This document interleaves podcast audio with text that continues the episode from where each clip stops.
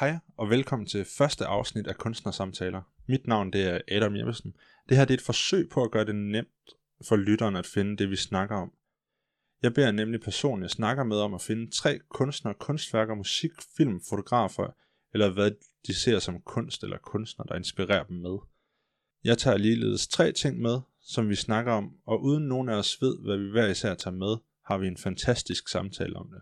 Alle links vil blive fundet i teksten nedenfor eller på Kunstnersamtalers Instagram, hvor der også er billeder af de forskellige ting, vi snakker om i episoden. I denne episode snakker jeg med Silja Lind, som er uddannet Graphic Storytelling fra The Animation Workshop i Viborg, og er i dag selvstændig og har firmaet Herman Ditte med sin tidligere klassekammerat Thomas, hvor de laver tegneserier til ude og hjemme og tegninger til forskellige bøger. Derudover har de gang i en masse fede projekter. Ha' en god lytterfornøjelse. Tak for, at du er med egentlig. Det, det er jeg rigtig glad for. Ja. Øhm, jeg vil egentlig først tage at starte med sådan at høre, sådan, hvornår begyndte du med sådan at interessere dig for, for at tegne og sådan noget? Jeg tror, det var, øh, da jeg gik i børnehave. Da jeg gik på rød stue, øh, så var der en af børnene fra lille stue. Okay, så vi havde grøn stue, det var de yngste. Så var der rød stue, det var de mellemste. Og så var der lille stue, det var de store børn. Og vi havde tit besøg af de store børn. Og der var en, der lærte mig at tegne et hus. Sådan den klassiske med en bakke, et hus og så et æbletræ ved siden af. Og så var der bare et eller andet i min hjerne, der sagde og, øh, og så efter det, så tegnede jeg bare hele tiden, konstant, nonstop. Jeg ved ikke hvorfor, fordi jeg hader at tegne baggrunden, så, men, men det var, det var det, der skete den dag. Der var et eller andet, der sådan kemisk bare sagde, klik, nu gav det hele mening, whoop, og så har det sådan set bare været sådan lige siden. Ja, okay. Var du så også den der barn i, i klassen, der sådan sad tilbage og bare sad og tegnede hele tiden? Ja, mere eller mindre. Øh, eller det blev jeg. Øh, til at starte med, der var jeg meget sådan, øh, ligesom alle andre børn, sådan en, der også render rundt og leger og klatrer i træer og alt det der. Men i takt med, at jeg kom tættere og tættere på puberteten, så blev det mere og mere sådan noget med at sætte sig selv over et hjørne, og så bare tegne. Og tænke sådan pubertetstanker. Så det var sådan, det, ja, det var sådan den udvikling, der kom. Det, jeg har altid været sådan en, der tegner meget. Det, ja. Øhm, hvorn- hvornår fik du sådan øjnene op for din, de første sådan kunstner, der inspirerede dig, mens du var teenager? Da jeg var teenager. Åh, oh, altså, det har jo startet før det. Altså, der har jo været sindssygt meget. Altså, der har jo været Disney, og så har der været Dyrene i Lilleskoven, og så har der været sådan rigtige kunstnere. Mine forældre gjorde meget ud af at hive os med på kunstmuseer, da vi var små. Ja. øh, min søster og jeg. Og så, øh, men altså, da jeg blev teenager, så var det jo mest musik, der sådan øh, virkelig tændte noget inde i hovedet på mig. Øh, især metal. Det var sådan, øh, det var der, jeg fik rigtig meget inspiration i mine teenageår. Ja. Ja. Sådan har jeg det med det der øh, pop-rock-agtige det ja. albums der. Det er virkelig noget bras, men det, det lyder godt. Altså på et eller andet tidspunkt, når man, når man når en vis alder, så, så holder man op med at, sådan at, at skamme sig. Altså jeg havde, jeg havde i mange år skammet mig over, at jeg var vild med new metal. Nu der er det bare sådan, fuck det. Det er fandme fedt. Det er sgu i orden, og jeg godt kunne lide sådan noget der. Så hvis du synes poprock, det er fedt. Own it. Det, der er, folk de kan sidde og disse alt det, de vil. Det betyder ikke noget. Ja. Det er du fuldstændig ret i. øhm, vi har taget de her kunstnere med. Jeg ved ikke, hvordan du har valgt dem. Øh, Nej, det ved jeg heller ikke. Jeg, jeg har bare sådan, hvad, jeg- hvad der sådan lige, hvad jeg kunne mærke. Øh, dem vil jeg gerne snakke om lige nu, fordi Ja. ja. jeg har jeg har utrolig svært ved at vælge. Der er så meget. Ja, men det, jeg havde det på samme måde. Jeg var nødt til at... Jeg kørte den lidt makaber. Øh, fordi det er noget, som jeg går meget og tænker over. Mm. Øhm, men jeg har en, sådan en person har jeg en regel med kunst, det er, kan den få mig til at føle noget, så er det kunst. Mm. Selv hvis det er, en, hvis det er fordi, jeg bliver irriteret, Mm. og, og føler, at "Men det der, det burde ikke være kunst, så er det kunst, fordi den fik mig til at føle noget. Åh oh, ja, Så totalt. det er min regel. Så selv noget, som jeg synes, der er fuldstændig ligegyldigt, som vi kommer faktisk til at se en af dem nu, Mm-hmm. så synes jeg, den betyder noget. Ja. Øhm, men hvad, hvem er din første kunstner, du har taget med? Oh, lad os tage Johannes Larsen, Mabo. Uh, han, han har været en af de helt originale øh, inspirationskilder for mit vedkommende. Mest af alt, fordi mine forældre de altid slæbte mig med til hans museum. Øh, så, altså rigtig, rigtig tit. Vi tog jo næsten altid til Kærte Minde og gik rundt på hans museum, fordi det er så, det er så spændende.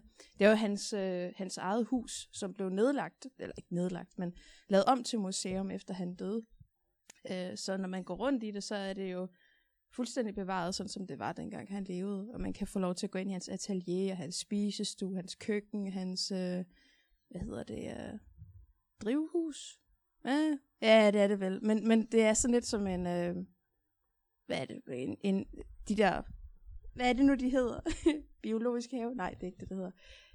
Du ved, hvad jeg mener, de der, de, de der atriumer, eller Nå, hvad ja. dem. altså de der glas Ja, lidt ligesom Randers Regnskov. -agtigt. Ja, fuldstændig. Ja. Han havde også sådan en sommerfugl til at flyve rundt, og havde sådan en lille dam med små fisk i og sådan noget der. Det, han, meget, øh, han gjorde utrolig meget ud af sit hjem, og havde øh, malerier på alle vægge. Øh, altså hele hans spisestue, den er sådan, hele vejen rundt har han bare malet sådan et landskab med dyr og alt muligt. Det var også det, han var kendt for, Ja. at male dyr, især fugle. Øh, ja, han er bare et super spændende menneske. Meget øh, naturvidenskabelig. Øh, meget passioneret omkring dyr. Han havde en odder som kæledyr blandt andet. okay, det, Ja. det, det er lidt specielt. Ja, han var meget, meget, meget speciel. Øh, og noget af det, jeg synes var så fedt ved ham, det var bare, hvordan han sådan, hans måde at tænke på. Så han, han havde også en kone, som han elskede rigtig højt, ikke? Ja. Så lavede han på et tidspunkt et maleri af hende. Rigtig flot, stort maleri, som han puttede sådan på bagvæggen ind i et af sine... Øh, øh, et, af, et af de mange rum, der er i huset. Og så havde han en lysekrone op i loftet. Den hænger der stadigvæk. Alt er, er som det plejer at være, ikke også? Men han hængte en lysekrone op. Øhm, og så uden for vinduet, neden under vinduet, så havde han lavet sådan en, en lille dam, som ikke, der er ikke nogen planter eller fisk eller noget, der er bare lidt vand i. Og så er der et bestemt tidspunkt på dagen, og jeg kan ikke huske, hvornår det er, men der rammer solen vandet, og så har han simpelthen regnet ud, at den, det lys, der kommer fra vandet, går op i lysekronen, og så skyder det lys direkte hen på hendes ansigt. Og det er så smukt. Okay, det er Da Vinci-agtigt. Ja, han er så vild. Altså, så, og det er bare sådan hele hans, hans hus og hans øh, have og hans kunstneriske liv. Han var, altså, de, de lavede jo deres hus om til sådan et sted, hvor rigtig mange kendte kunstnere kunne komme og, og, og spise middag hos Altså dem. Noget. et kæmpe stort samlingspunkt for... Ja. Um, Det var, det var virkelig øh, sp- et specielt øh, creative hub, kan man vist godt kalde det. ja. Ja, og der er bare malerier overalt inde i det hus der. Så ja, det var bare lige sådan, det, det er derfor han inspirerer mig, og har altid har gjort det. Jeg var sådan, da jeg var yngre, det der, det vil jeg også have. Jeg vil også have sådan et hus der. Jeg vil have sådan et liv. Øh, problemet er bare lige, at man skal være pisseri for at kunne det. og han leverede jo malerier til øh, kongehuset også, og sådan noget der, så han levede jo godt. ja. Ja, så cool dude. Jeg tog bare lige mine noter frem her, her Ja. fordi sådan, ellers kan jeg ikke huske den, noget som helst. Men sådan, nu, nu har du talt om en død mand. Ja. men så, Desværre, død Ja. mand. men øh, sådan, den kunstner, som er sådan, for mig har allermest respekt, fordi det er sådan, det var en ting, jeg altid har haft, haft lyst til at gøre selv. Ja. Det var det der med at gå ud i verden og tage billeder og op, op, optage verden, sådan, øh, mens der sker ting. Mm-hmm. Men øh, efter jeg som både har hørt flere interviews med ham, fordi han er nulevende, og læst hans øh, øh, bog og sådan noget, og så, så har jeg ikke lyst. Og når, hver gang jeg ser på hans billedserie, øh, billedserie, så kan jeg virkelig godt forstå, at han har PTSD i dag. Mm. Fordi det er sådan, der er et billede, han har, har taget, hvor, der, hvor det er en krop, der har lagt ude, uden hoved, og så den bare fuldstændig skrumpet sammen. Mm. Og så, bare for det her, så var jeg nødt til at tage det gladeste billede, jeg kunne finde, og så alligevel, så er det sådan, absolut ikke glad. Fordi det er en, det er en du kan lige prøve at se billedet her. Det er en lille pige, Oh. på maks 5 år, som øh, det, det skal siges, det er et billede fra Centralafrika-krisen i 2014. Ja. Øhm, hun har jo oplevet det, som man absolut ikke burde opleve som 6-årig mm. eller 5-årig. Og hun er bare, hun, hun har den her facade på, hvor hun smiler, Mm. selvom hun er, hun er klart i smerter. Ja. Og jeg sad og så nogle af dem igennem i går, og jeg begyndte at græde, fordi det var sådan, jeg, jeg, kunne, jeg, jeg kan ikke sådan noget. Mm. Der var flere af dem, hvor det var børn. Der, der var, var et billede. Jeg tror, det var brødre, men de lagde i hvert fald sammen på sådan en borger. En lille bitte dreng. Og lige ved siden af var der en endnu mindre pige. Eller barn. Det, det var bare så makabert. Men Mm. hvad, de, de billeder og sådan noget, de gør bare et eller andet for mig. Mm. Og den måde, sådan, den måde, han husker sig selv på, at han har været de steder, det, det synes jeg er meget specielt, fordi han vælger at få lavet en tatovering i det land, han har besøgt. Så hans krop, den er nærmest sådan fyldt ud med sådan grimme tatoveringer, og nogle af dem, der har jo slet ikke været de der forhold, der skal være, når man Mm. får lavet tatoveringer. Sådan, nogle af dem, de er blusset op med øh, betændelse og alt sådan noget. Men øh, ja, sådan, det, jeg, jeg synes i hvert fald, det er nogle fede Ja, billeder, han får lavet. Og, det er ja, også vildt. Altså, det er et vildt liv at, Ja, ja, at kaste sig ud i, ikke? Man skal virkelig være gjort af et særligt stof for at kunne holde til sådan noget. Jamen, ja, og samtidig så også bare vildt, at han begyndte som 18 eller 19-årig Mm. med at blive sendt sådan et sted hen. ja, Og så bare lede af det lige siden. Og, det, og så, så samtidig så er det mega forfærdeligt, at man kan leve af sådan noget. Mm. Men øh, ja, det er Ja. i hvert fald min... Hvad hedder han? Øh, Jan Graup, Åh, oh, han er sådan en krigsfotograf, og ja, det, hvad jeg har skrevet her, så har han lavet en bog, der hedder Under Nålen, og så har han øh, øh, fra hvor hjernekors øh, korser gror. Og så har han lavet en, øh, en film også. Jeg mener, det er sådan en autobiografifilm, hvor det er, øh, den hedder bare Krigsfotografen. Og det, ja, den har jeg desværre ikke fået set endnu. Nej. jeg tør næsten heller ikke. Ej, det, det kan jeg godt forstå. Det er fandme også øh, stærke sager. Det er det. Altså. Uha. Og du kommer til at se et mindre tema, når vi kommer hen til mit næste, men hvad, ja, hvad er din anden? min anden. Øh, det er en filminstruktør, som jeg var, har været rigtig, rigtig glad for i rigtig mange år. Han er også død. Okay, der kører et godt tema her. Ja, så. det synes, u- uden at helt at vide hvorfor, men uh, ja, ej, han, uh, han døde, uh, det er Satoshi Kun. Ja. Uh, han uh, lavede uh, animationsfilm, uh, anime mere eller mindre kan man godt kalde det, og manga, uh, der han lavede, ikke? Uh, men det der er så specielt ved ham, det er, jeg plejer sådan at kalde ham uh, anime-verdenens uh, David Lynch, ikke? Fordi de film, han laver, de er meget, meget surrealistiske og meget sådan psykologiske thriller og sådan nogle ting. Der var lige den forskel mellem ham og David Lynch, der at, at jeg, jeg vil våge at påstå, at Satoshi Kun var, var meget bedre. og han holder sig ikke kun til én genre. Uh, det var det, der var så fedt ved ham. Uh, hans første, det var en, en straight-up thriller, det var uh, Perfect Blue, som handler om en, uh, en, en starlet uh, idol, sådan lidt ligesom de der øh, BTS pop folk der over i, øh, i Asien, som øh, vælger at skifte karriere fra at være musiker til at være øh, film øh, skuespiller, ja. Og så begynder hendes øh, mentale helbred så bare at gå af helvedes til, og den, øh, den er bare virkelig, virkelig spændende. Og så, jeg kan ikke huske, om den anden film, om det var Millennium Actress, eller om det er en af de andre, men det er i hvert fald Millennium Actress, som altid har siddet dybest i mig.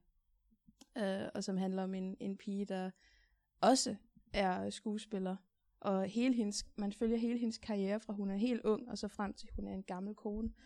Øh, men, men igennem hele hendes liv, så har hun et mål, og det er at aflevere en nøgle til en mand, hun mødte, da hun var ung, som Ja. flygtede fra nogle folk. Og, den, øh, og hendes karriere, hendes, øh, de, de ting, hun husker fra, fra det, hun har lavet som ung i hendes karriere, smelter sammen med, med det virkelige liv, hun levede, og hun kan ikke rigtig sådan se forskel mellem, hvad der var virkeligt og ikke, hvad, der, hvad der ikke var virkeligt. Nå, Og den er meget, meget, meget smuk og meget, meget rørende, og det er ikke hans bedste film, men for mig der er det hans bedste film. ja. Øhm, og Satoshi Kun, han, øh, han døde af kræft i 2010. Og det er stadigvæk noget, jeg prøver at komme over. Fordi det, han var bare så... Åh, han var bare min held, ikke? Og der, der vi, altså hele, hele communityet, alle de der folk, der var inde i det der anime-miljø der, de var jo fuldstændig smadret over det, fordi han var bare... Øhm, der var ikke nogen ligesom ham. Og der har ikke været nogen ligesom ham siden. Øh, han var fuldstændig fantastisk, og han havde planer om at kaste over og begynde at lave børnetv også, og sådan noget der. Han havde en, en produktion i gang, der hed The Dream Machine, som aldrig er blevet, blevet lavet, Ja. ja. men han mere eller mindre så efterlod han alle sine noter, han efterlod øh, directions og sådan noget der øh, på video, Ja. ja. på sit dødsleje og så sådan Hold nogle ting. Han var simpelthen formidabel, altså fuldstændig øh, forfærdelig, at han skulle forlade os Ja. så tidligt. Han blev Ja. ja. ikke så gammel heller. ja. Øh, Øh, Hvor gammel dør han cirka? 46. Okay, det var også rundt, ungt. Meget ungt. Ja, det var det. Det var forfærdeligt. Altså, det... Ja. Det er sådan uh, en af de der uh, kendis uh, deaths, der, der, uh, der er stadigvæk going for mig i dag. Fordi jeg, jeg, jeg, han, han var bare på vej nogle steder hen. Og også det med, at han behandlede sin, uh, altså dem, der arbejdede for ham, han behandlede dem ordentligt. Det var noget Ja. af det, der virkelig var, der, der sådan stak ud. At han var sådan et omsorgsfuldt menneske, og han, han så dig Ja. og tog dig alvorligt. Og, var, altså, og selvom han var en visionær og en autor, og det var hans vision og sådan nogle ting, så var han stadigvæk ordentlig mod folk. Og det synes jeg virkelig, øh, det, så, sådan noget, det kan virkelig fange en. Når, når man hører en person, som virker god ud af til, og så finder ud af, i, i, at når han så går ud i, i, i et, øh, bare ude blandt andre, blandt pøblen, mm. og, og så stadigvæk er flink. ja, han er fantastisk. hv- hvem er det? Det er en amerikansk skuespiller, Mm. som, jeg kan ikke huske, hvad han hedder lige nu, men han har lavet rigtig mange store film, og re- han tager stadigvæk metroen for eksempel, i, Ja, når han er i New York, og han, øh, ja, han, er, han er stort set flink over for alle, og sådan giver Mm. plads til den gamle dame, hvis der skal sidde. ja. Og sådan noget, det, li, ligesom, fordi øh, Japan kommer fra, Ja, ja, det var, det var Japan. ja, Det var det.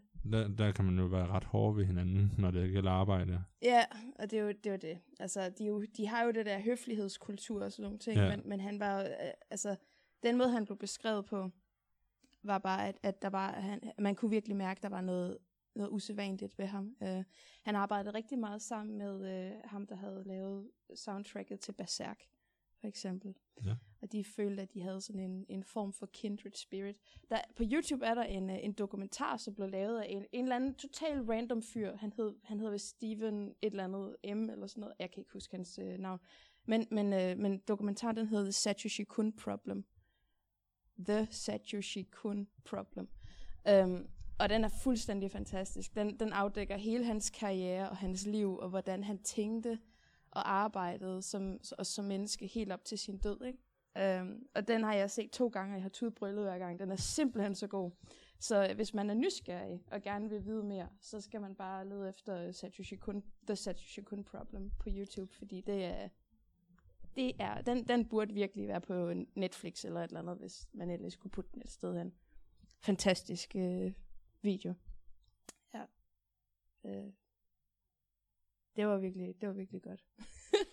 det, titlen i sig selv, der kommer man nærmest til at tro sådan, okay, der er et problem med ham også. Mm. Sådan, men så er det bare, at han er super god. Ja, ej, men den... Øh,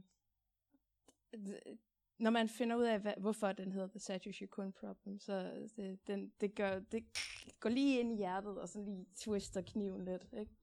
Så ja, den, den vil jeg i hvert fald anbefale alle, der er nysgerrige efter sådan noget. Lære ja. mere om ham, fordi fantastisk kunstner. Endnu en gang for en, der... jeg, jeg skal i hvert fald helt klart have tjekket ham ud. Mm. Fordi jeg, jeg kigger bare på nogle billeder nu, sådan på din skærm. De er hæftige. Det er også en, altså den er en meget interessant film. Altså der, den foregår jo sådan lidt i, i krigstid, sådan som jeg husker det. Der er, der er noget krigstid, om det er den kolde krig eller ej. Det er li- virkelig lang tid siden, jeg har set. Ja. Det skal lige siges. Øhm, men, men altså, den, der, er, der er sådan noget drama i, i, altså den vej rundt, ikke? At man sådan følger den her pige fra, hun er en, en naiv lille teenager, og så frem til hendes øhm, endelige, ikke også? Øh, så der, der er virkelig noget drama. Så på en måde, på en måde så er det jo et ganske mondant liv, hun lever, men det bliver bare så dramatisk alle de film, hun også har spillet med i, og, og den der drøm, hun har om at, at blive genforenet med den her mand, som bare er så mystisk, ikke også? Det er sådan helt... Ah. så god. Den er så god. Uh, men altså, den er sådan en af de mindre psyk, uh, øh, altså, psykolog... Ja, den er meget psykologisk, men der er nogle af dem, der sådan er, er endnu mere. Altså, Perfect Blue, den er virkelig fucked up. Paprika, det er den her. Ja. Øh, handler om, decideret om drømme. Og øh, er meget meget sindssyg. Altså, og så lavede han også en, en tv-serie, der hedder Paranoia Agent, som handler om øh, en... Jeg ved ikke, om du kender det der... Øh, øh, er det, er det, er det mass hysteria, det hedder? Det der med, når, når, når folk de får en fælles psykose. Nå, ja, Ej, om du har ja, hørt om den ja, der dansesyge der, ikke også? Der, der skete tilbage i 1800 et eller andet. At, jeg tror, det var 1800 eller 1700-tallet, hvor der var en kvinde, der begyndte at danse i en by, og ja. alle begyndte at danse, indtil de faldt døde om.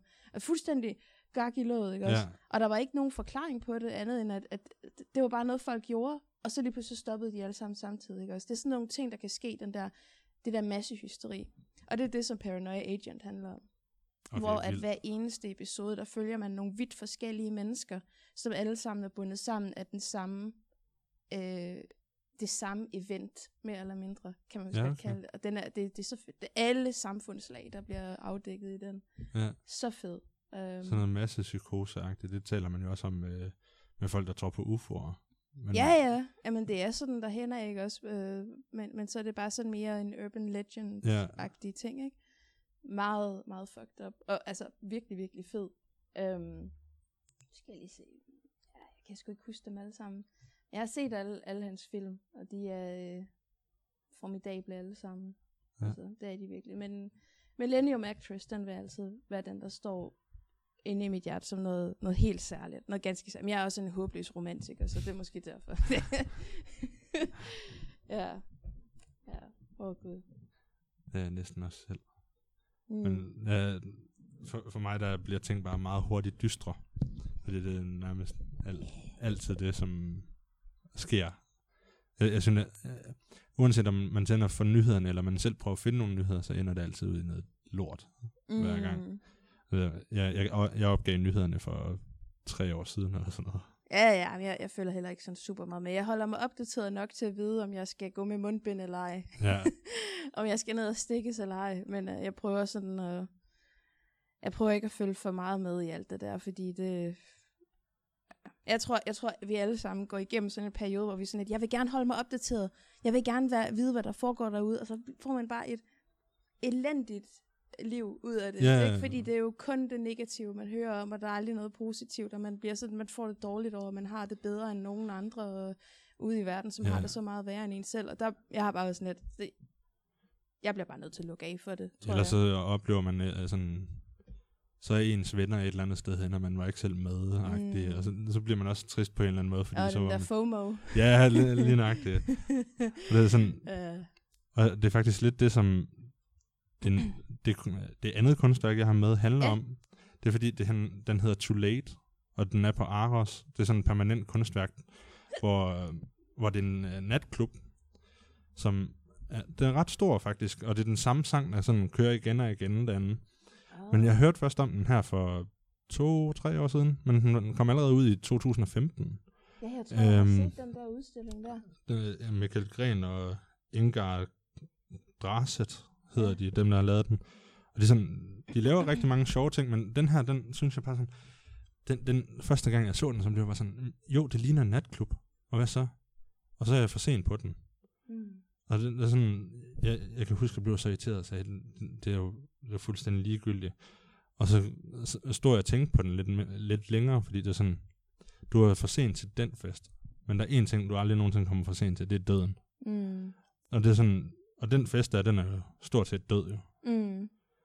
Og så, så i de anmeldelser, der er, det, der er der bare sådan, men det er de samme askebær, det er de samme flasker, der står der.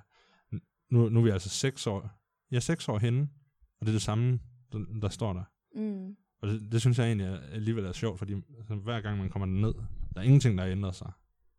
Du bliver bare heddet tilbage i sådan en tidskapsel på en eller anden måde. Mm. Og det, det synes jeg er ret fedt ved den. Og, Det, det er, når installationskunst er bedst, ikke? Ja. Det er virkelig, virkelig fedt, sådan noget der.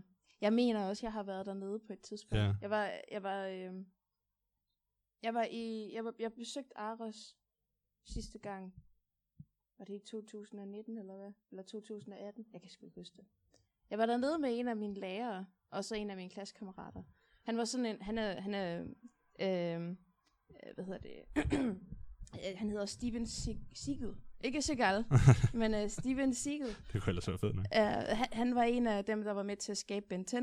Ja. Øhm, så han kom for at undervise os. Øhm, og så har han sådan en ting med, at, at man kan melde sig til at, at tage ud og spise med ham, eller man kan melde sig til at tage ned og svømme med ham, og løbe en tur med ham, eller tage ud og få nogle oplevelser med ham.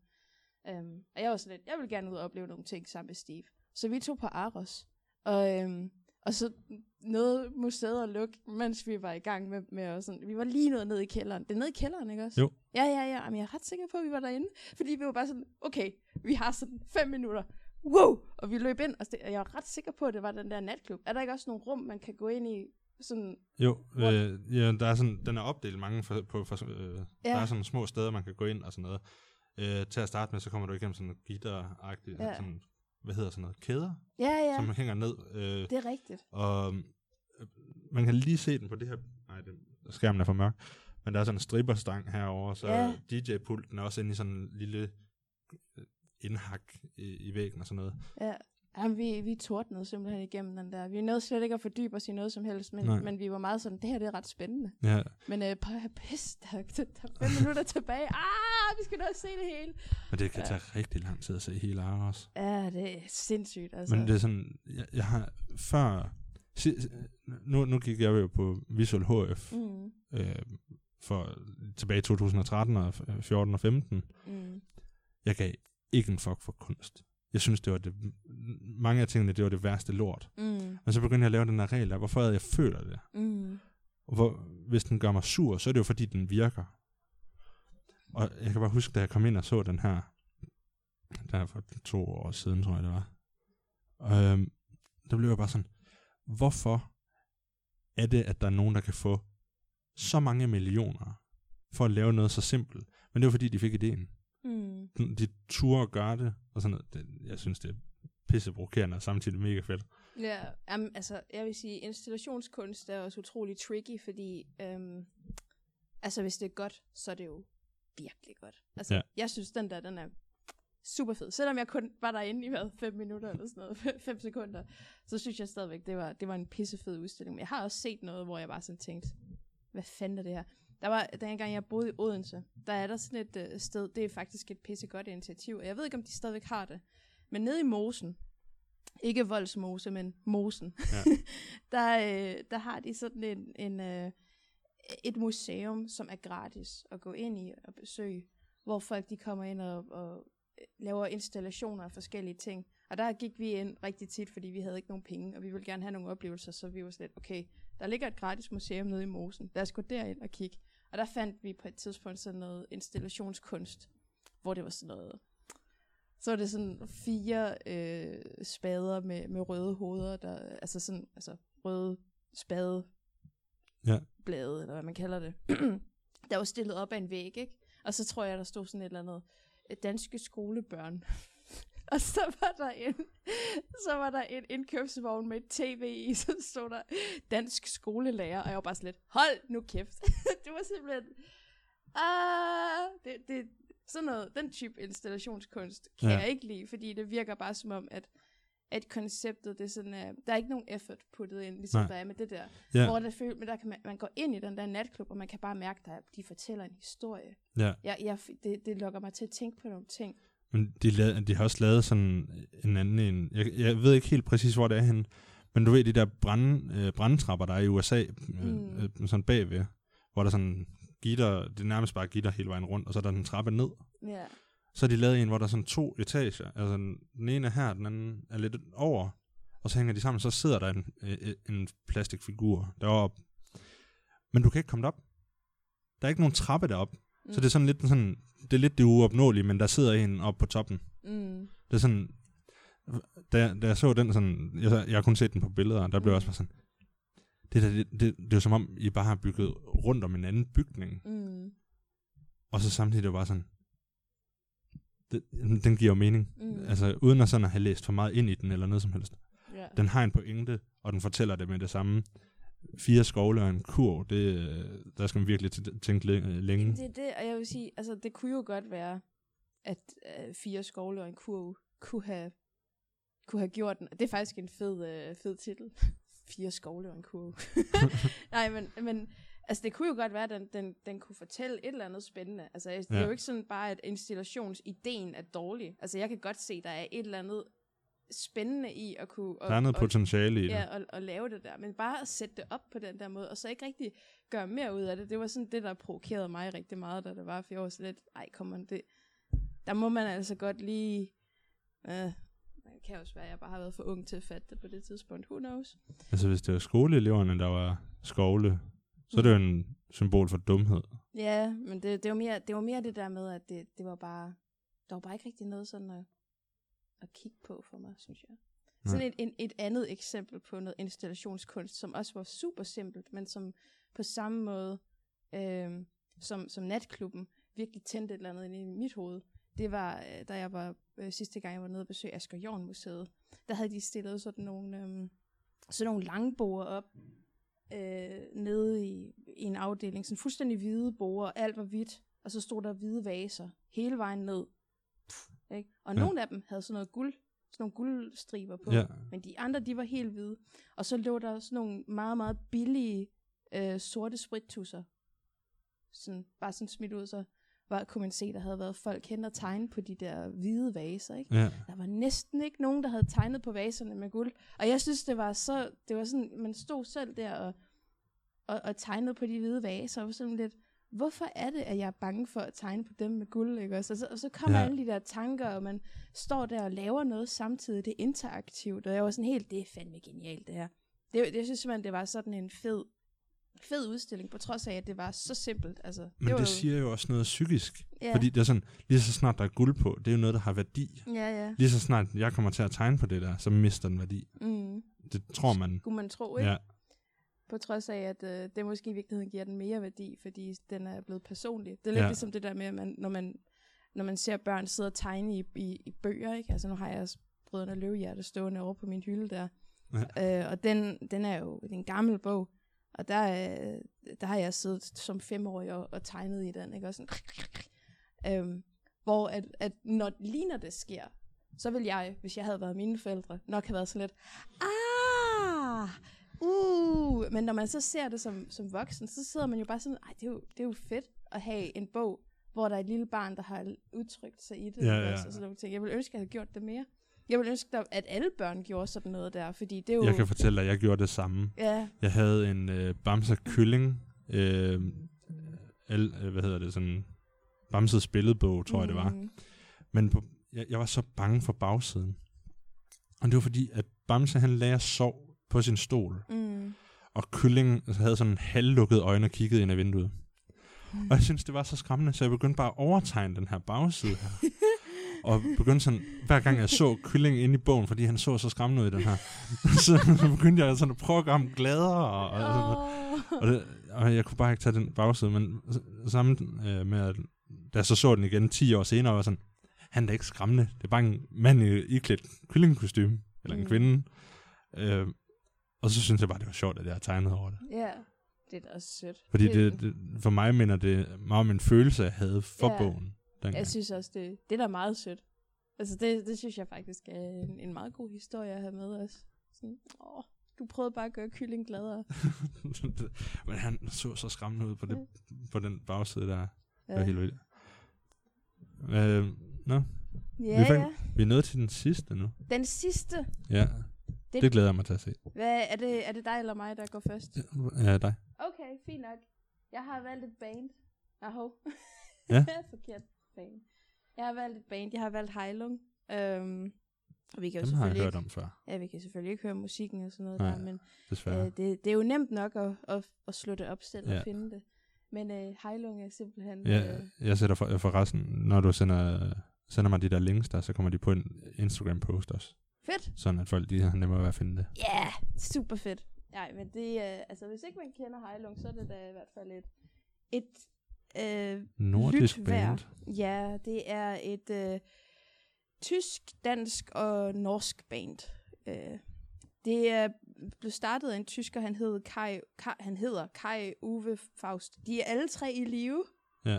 Så øh, jeg har øh, ødelagt min, øh, min combo streak der. Men øh, ja, øh, Kai Uwe Faust, og så, øh, åh, hvad, hvad, hvad er det nu, hun hedder? Maria, åh, undskyld, jeg kan ikke huske hendes efternavn. Og, da, og, og danskeren kan jeg slet ikke huske navnet på. Men ja, fuck. Men Heilum i hvert fald. Heilung, de er simpelthen fantastiske, de, de tre der. Deres musik, det er meget inspireret af sådan noget gammelt jernalder, vikinge, nordisk musik. Ja. Meget øh, de der helt gamle instrumenter, de spiller på, og meget sådan noget shaman messeagtig musik. De Ja, laver. Jern eller landsbyen i Odense.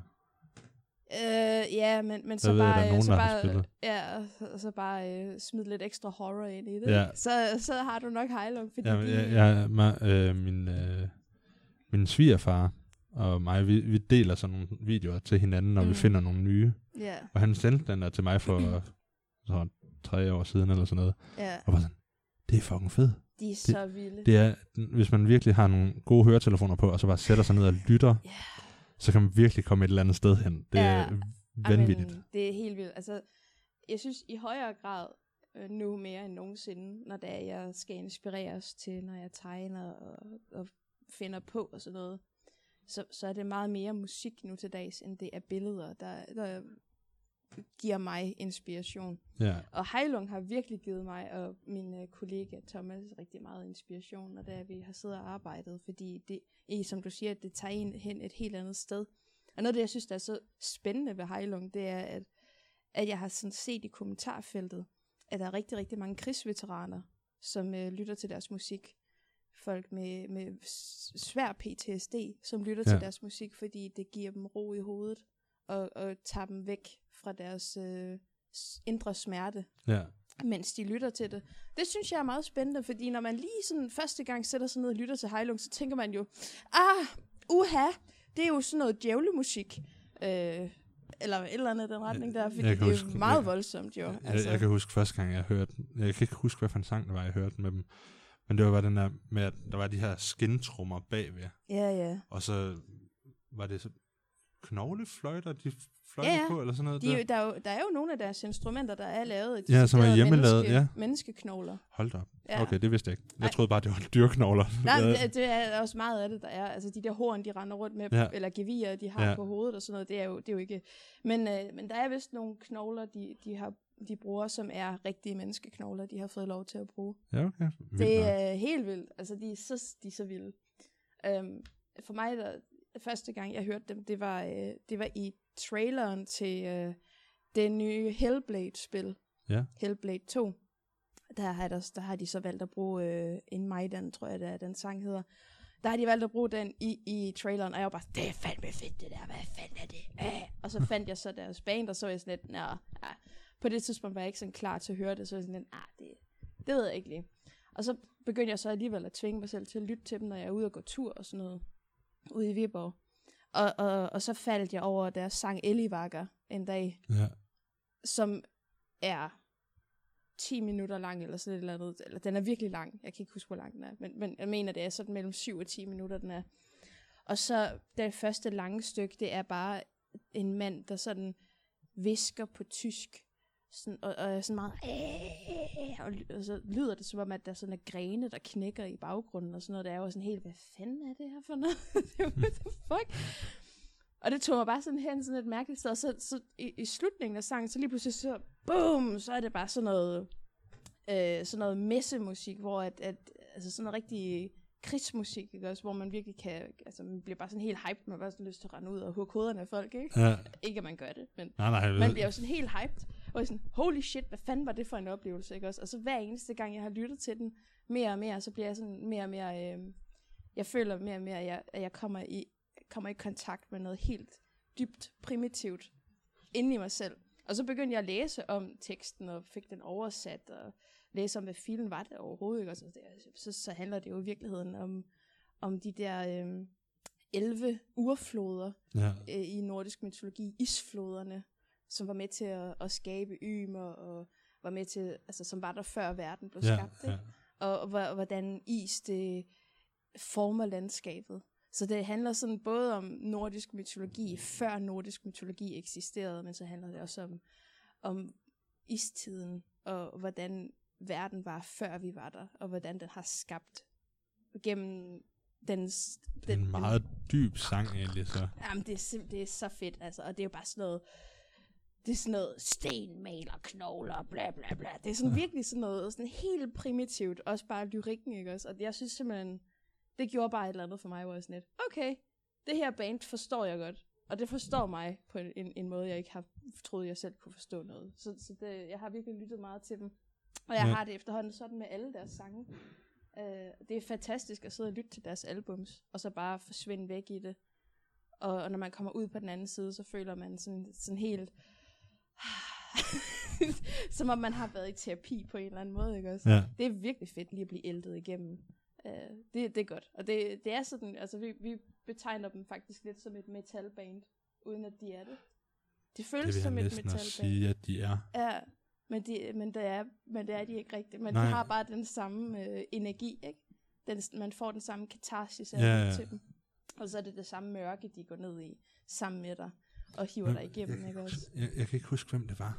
Men det var sådan, jeg var til det der Jern- eller Landsby Festival, de har nede i Odense. Mm. Det, det var før corona. Ja. Øh, sommeren 19, tror jeg. Og der kommer der også det her halvstore band. Det er sådan tre kvinder, der alle sammen sådan kan spille violin. Og de synger himmelsk. Man sad bare inde i det her telt her, Mm. og bare hørte dem synge, og det var fantastisk. Og det var alt for mange rejser, man kom på på rigtig kort tid, fordi altså, jeg tror kun, de sang en time eller sådan noget. Ja. Og så kan jeg bare huske, der var sådan et andet par. Det var så nede ved... øhm, Øh, jeg kan ikke huske, hvad de kalder bygningen, men jeg tror, det var sådan... Øh, den største bygning, der er dernede. Så er der, han har den mærkeligste form for lut. Oh. Og det ligner egentlig bare en cigarkasse, og så nogle strenge på, og så sidder han og spiller det her. Ah, er det en talharper? Det tror jeg faktisk, ja, det er. ja, ja. Og Og det- Den bruger de også i Heilung. Ja, den, ja, Oliver Bruna. Undskyld. Ja. men, men så sidder han og spiller på den her, og han har sådan lidt sådan en raspy stemme, Mm. men hun har en helt klar lys stemme. Og hun kan komme så højt op, og man sidder bare på den her græseng med øh, gamle stråtagshuse fra vikingetiden, eller Mm. jernalderen, og man sidder bare og føler, nu er vi helt tilbage. Ja. Det er så fantastisk en oplevelse. Ja. Og det, Og det er jeg glad for, at du har oplevet. jamen det er det, fandme fedt. det, det kunne et eller andet. Samtidig med sådan, når man gik derinde, så var det sådan, alt var jernalderagtigt. Fordi alle boderne, det var sådan noget, de havde sat op. Alle Mm. dem inde i boderne havde gammelt skintøj på. Og alle gik rundt med drikkehorn og yeah. alt sådan noget. Det var også da jeg købte mit, den første drikkehorn inde. ja. Og jeg købte sådan, det var egentlig knapper, men jeg, de var små nok til, at jeg kan tage dem i ørerne. Øh, Til, så jeg gik bare rundt med sådan kød, øh, nej, øh, knogle øh, plugs. ja. Det, var sådan, det synes jeg var meget, meget fedt. Ja. Men, men det, ja, jeg havde næsten glemt dem der. Ja. Det er egentlig sjovt. Ja, jamen, de er fantastiske, altså. Åh.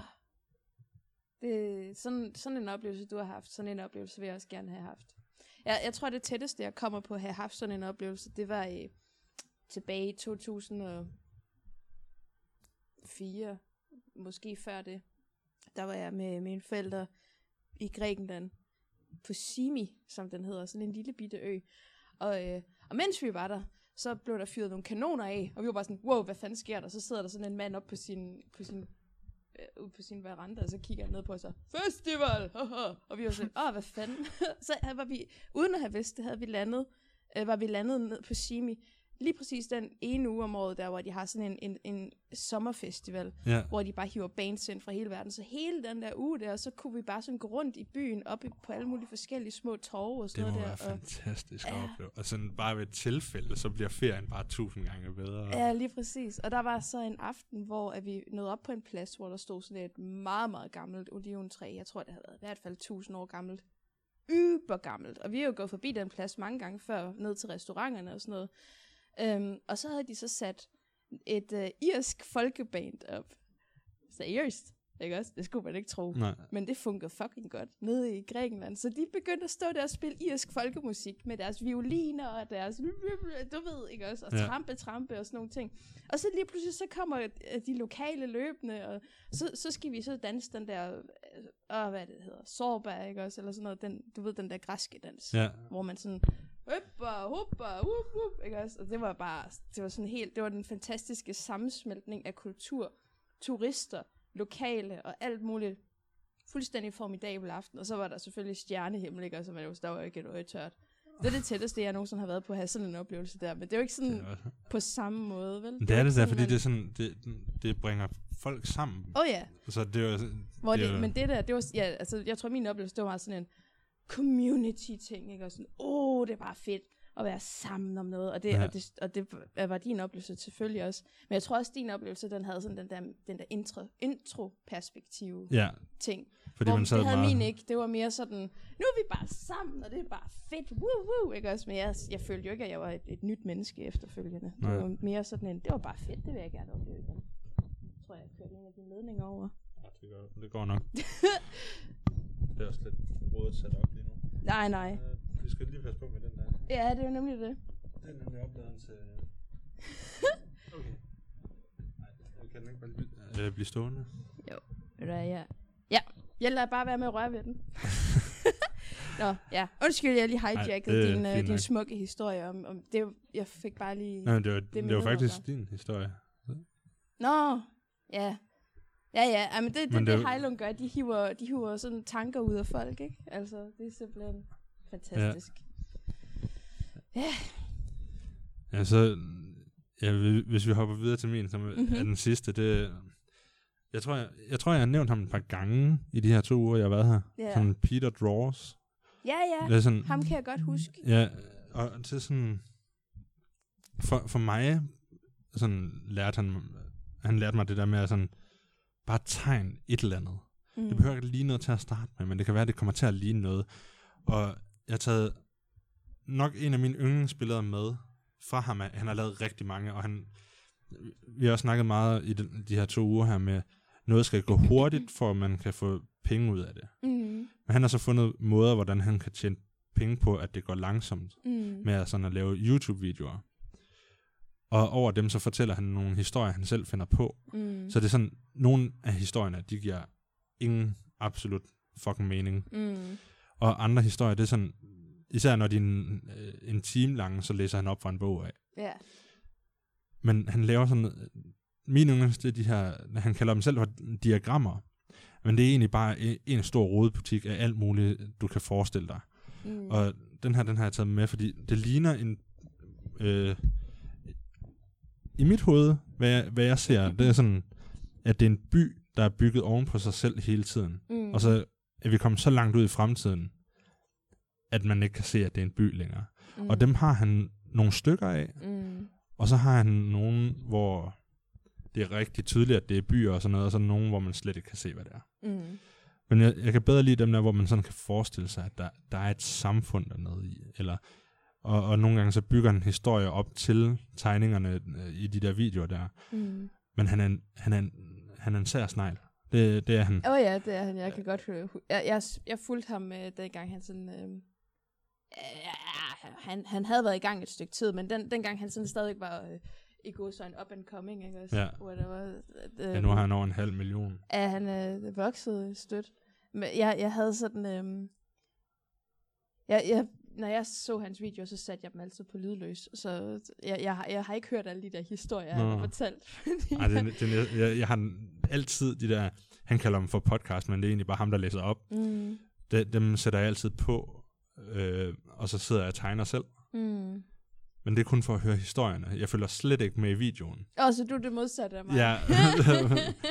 Men nogle gange, så kan jeg godt, kan- godt lige kigge op og sådan, åh, det var en smart måde at gøre det på. ja. Sådan, for, jeg ved ikke på den her tegning her, men med at han laver bare en masse streger sådan til at starte med. Han mm. ved ikke, hvad det skal være.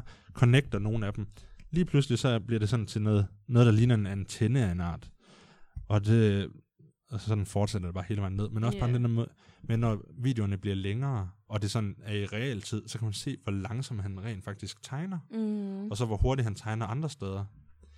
Det er sådan med til at sådan, for mig i hvert fald at finde ud af, det er okay at sådan have et bestemt tempo, når du skal tegne forskellige stile. Mm. Fordi hans, det er jo blandet alt muligt. Han startede som man, øh, med at tegne mandalaer. Ja, ja, det er rigtigt.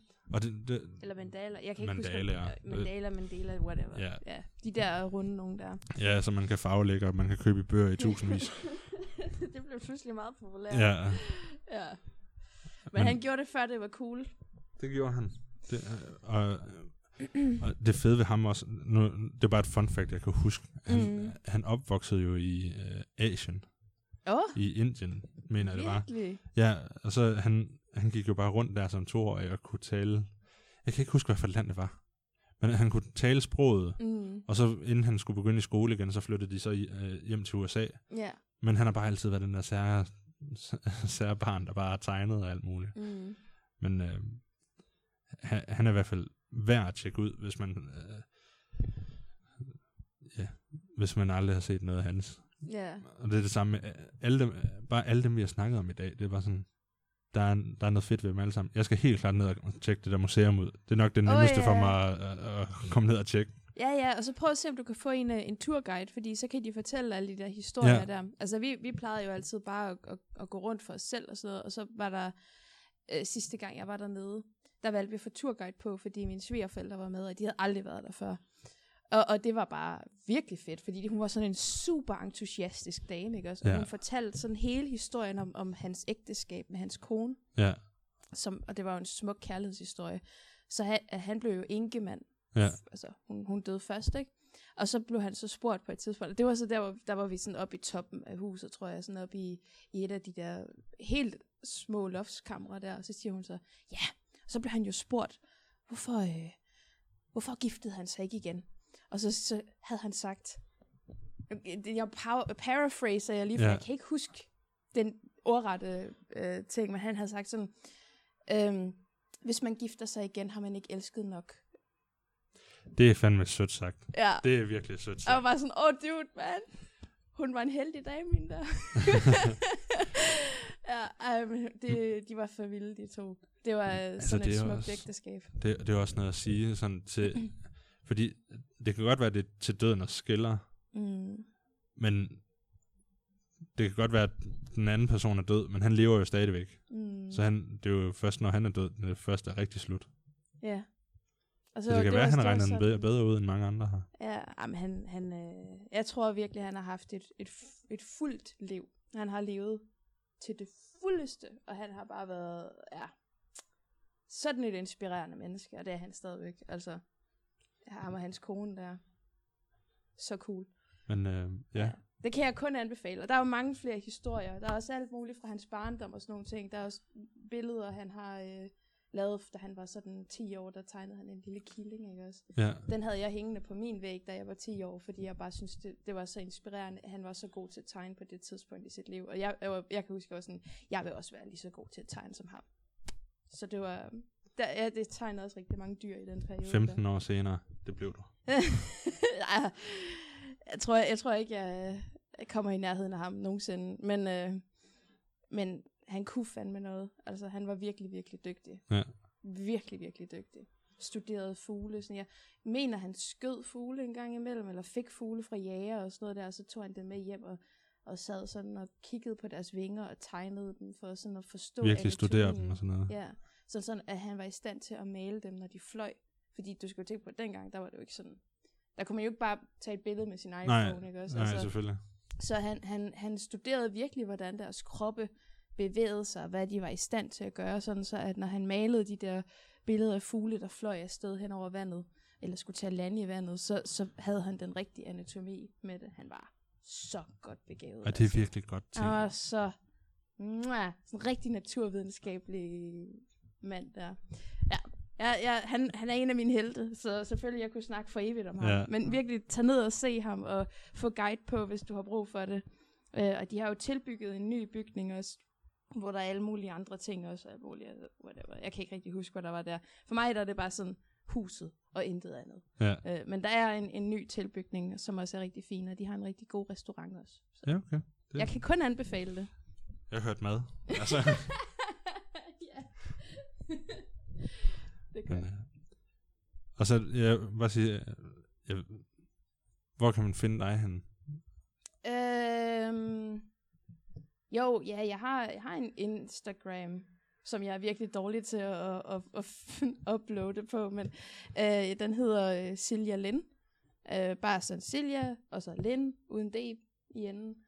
Øhm, ja, det, det, jeg tror, det er der, man kan følge mig, fordi jeg, jeg lægger heller ikke ting op på min hjemmeside længere. Det er bare sådan...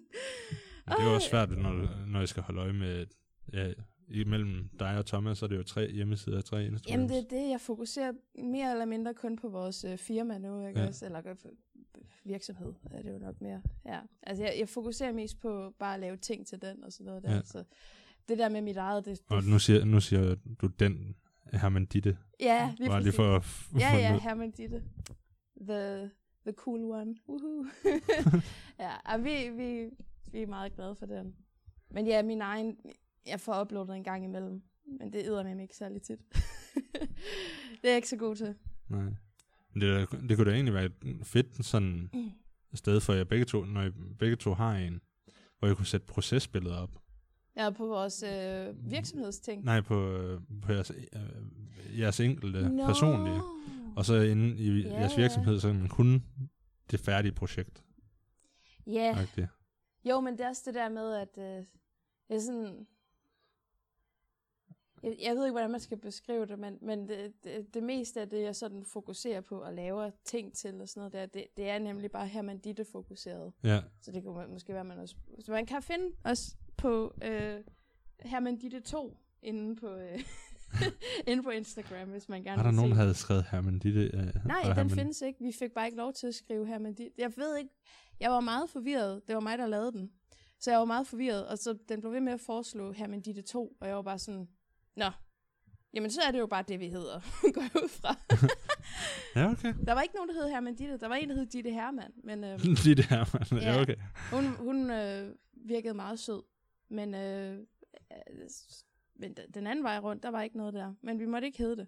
Nå. Så whatever. Det altså. kan være, de havde regnet joken ud før jeg så. Ja, der var nogen, der havde, der havde tænkt over det. Ja. Men ja, det er jo bare for at sige, at, at øh, jeg, jeg, min private Instagram, det, det er mest bare til sådan noget lal, hvis der er et eller andet, jeg sådan har lyst til at lægge ud. Øh, Jeg tror, at det seneste, jeg har lagt ud, det var da min, øh, en af mine store helte døde for nylig. Det er alle, alle dem, jeg holder af, de dør. Sådan har jeg det konstant. ja, shit mand. Ja. Joe Georgeson. Også kun 46 år gammel. Der er et eller andet med døde, 27 og 46 Ja, er der det? Ja, inden for kunstnere. Det er frygteligt. Altså, Jeg synes simpelthen, det, det var... Jeg lige ved at tro, at 29 også er begyndt at blive en ting. Ja, altså, det er forfærdeligt. Og han, han burde jo være blevet meget ældre, altså. Men øh, han havde... Øh, han havde noget, der hed transverse myelitis. Jeg udtaler det nok forkert, men det er en form for MS. Ah. Så han havde fået noget infektion i sin, øh, i sin ryggrad, som gjorde, at han i en periode ikke var i stand til at spille trommer længere. Så, øh, og så kæmpede han så vej tilbage, han, fordi han er sådan en badass, ikke også? Og så var han i stand til at gå igen og kunne spille trommer igen og sådan nogle ting. Men, øh, Det tog ham til sidst. det tror jeg. Altså, der, der er ikke nogen, der har sagt noget om, hvad det var, han decideret døde af. Så det, det er jo postulater, det hele, Ja. ikke også? Men det, jeg har sådan læst øh, hans families obituary af ham, og, øh, og jeg har øh, været inde sådan og, og, og researche lidt, for bare lige sådan at høre, om der var nogen, der vidste, hvad der var sket og sådan noget. Og det lyder lidt som om, det er der, det bærer hen af, at hans familie havde skrevet, at, at Gud havde taget ham hjem efter øh, lang tids kamp. Ja. Ikke? Åh, mand. Og det er det bare sådan... ikke være andet, så. det er så forfærdeligt, fordi han var også et af de der mennesker, der bare var pissegod, altså, og bare sådan skide dygtig til det, han kunne, ikke også? Og så samtidig, så gik han bare ud og gjorde så meget for andre mennesker. Ja. Han var jo... Altså, når man så ham, så ville man jo ikke tro det. Man ville jo bare tænke, øh, øh, sådan en sådan rigtig poser, ikke også? Fordi, åh, han er new metal og bla bla bla. Men igen, jeg elsker ham. Jeg synes, han er sådan et vidunderligt menneske, eller hvad? Øh, Ja, man skal lige vende sig til, øh, hvordan Ja. man snakker om ham.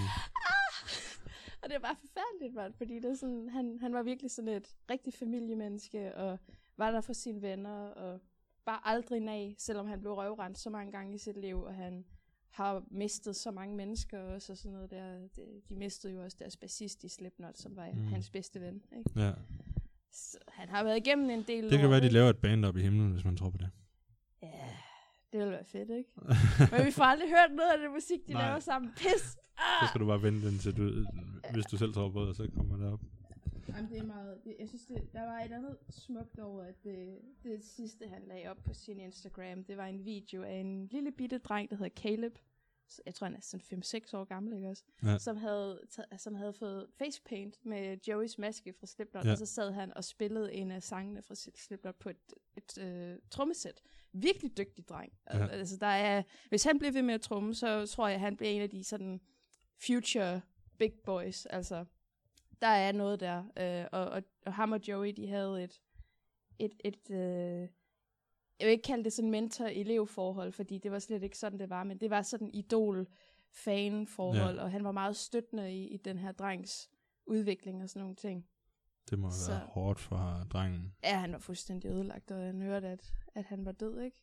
Fordi det, det, han var virkelig hans held. Altså, Ja. Også bare sådan før de begyndte at, at skrive sammen og sådan noget der. Men jeg synes bare, der er et eller andet virkelig smukt i, at, at før han døde, så den sidste opdatering, han lavede på sin Instagram, det var nærmest at give øh, teten videre til den, den nye Ja, generation, jeg skulle lige til at sige det samme. Så det er sådan, det... Åh, mit hjerte.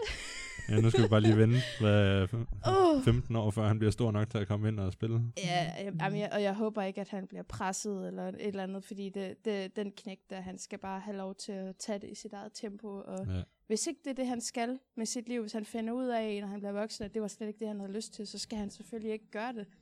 Jeg har ikke lyst til, at folk de sådan, øh, bliver pæset frem mm. På den måde der. Men hvis han vil, så, så tror jeg helt klart, at han kan nå utrolig langt. Og øh, forfærdeligt. Forfærdeligt, at vi skulle miste Joey. Sådan er det Ja. bare. Øv. Nå, jeg, Ja, ja. jeg vil sige, nu har vi optaget i en time. Fedt. Ja, Vi nåede vores mål. ja det gjorde vi. Så Og- tilbage til arbejdet. Tilbage. ja. Og øh, endnu en gang tak for, at du gad at være med. Jamen, det Det- var så lidt. Det gad den slet ikke. Så den op. Her til sidst vil jeg bare sige tusind tak for, at I lyttede med. Håber, I nød afsnittet lige så meget, som jeg gør. Øhm, håber, I vil være med på nogle flere. Ja, og kom gerne med forslag til, hvem jeg skal snakke med næst. Det kunne være mega spændende at finde nogle forskellige kunstnere, eller ja, stort set hvad som helst. Fordi man kan altid lære noget nyt om kunst, uanset hvem man snakker med. Øh, og til sidst, tusind tak for, for det hele.